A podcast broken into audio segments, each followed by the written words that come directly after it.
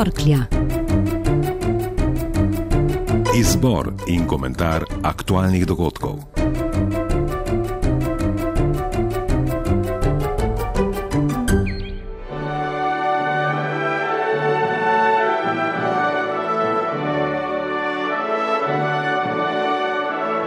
Ja, vsekakor se počutim evropejka, se to živim od rojstva in mi je Evropa kot širša domovina. Ne, počutim se kot slovenka. Seveda, mislim, da od rojstva sem evropejec in tudi tako se počutim. Ja, se počutim kot evropejka. Ja. Um, ne, niti ne, bolj se počutim kot balkanec.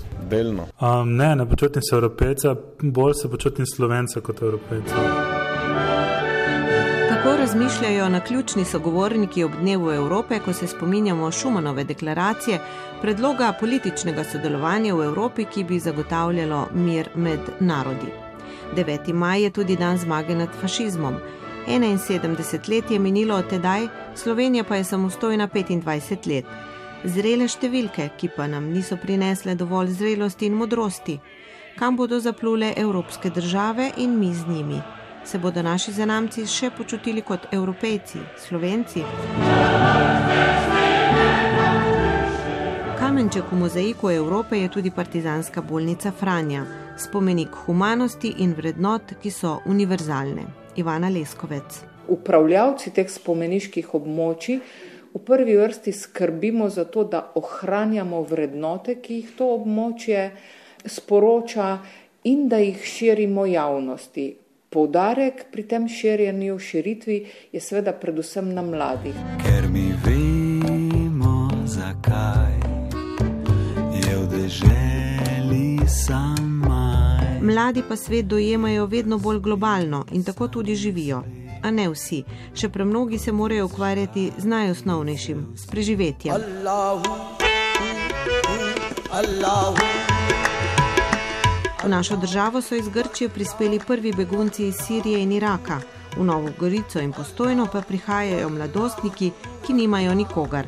Nekaj jih bo začasni dom našlo v Dijaškem domu Srednje gozdarske in lesarske šole v postojni. Cveta Krnel. Mi pripravljamo deset sob, to pomeni devet sob, v katerih bi bili uh, ti otroci brez spremstva in pa eno sobo, kjer bodo uh, bili tisti, ki so z njimi, uh, bodo delali.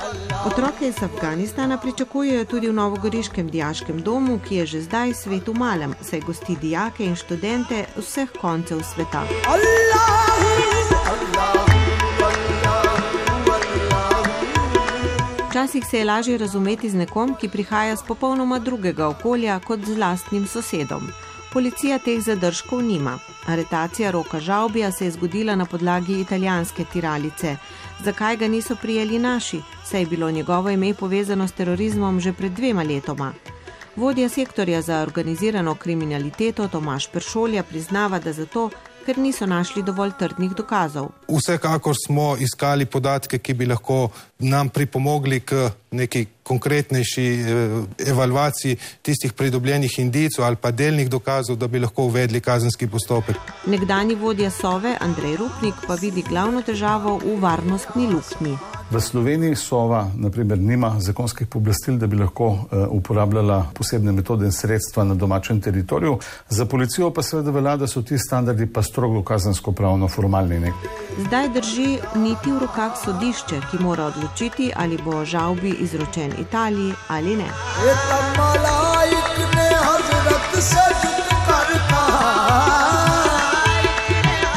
Primorski kriminalisti pogosto sodelujejo z italijanskimi, ko poskušajo zajeziti živahen promet kriminalcev.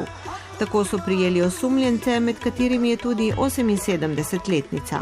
Marino Pangos, vodja kriminalistov. Osumljeni so člani dobro organizirane kriminalne združbe, ki je preprodajala heroin, kokain in konopljo ter nekaj vrste druge prepovedanih drog na območju Ljubljane, Nove Gorice in tudi Italije. S preiskavo smo ugotovili, da je preprodajalce na območju Nove Gorice s prepovedano drogo zalagala 48-letna Novogoričanka, kateri je pomagala 78-letna ženska. Pohlep ne pozna meja. Imajo v kobilarni Lipica prevelike oči in redijo preveč konj. Tako razmišljajo nekateri, ki se jim zdi, da so lipicanci predragi za državo. Strokovnjaki pa vidijo stvari drugače. Marko Avšič, Združenje rejcev Lipicanca. Bogatstvo, ki ga nam Lipica predstavlja, mislim, da smo ga dolžni ohraniti, zato ker vsi vemo, da imajo drugi narodi tudi nek interes po tem Lipicancu. Ekonomsko eksperimentiranje pri Lipicancih ne bo obrodilo sadov.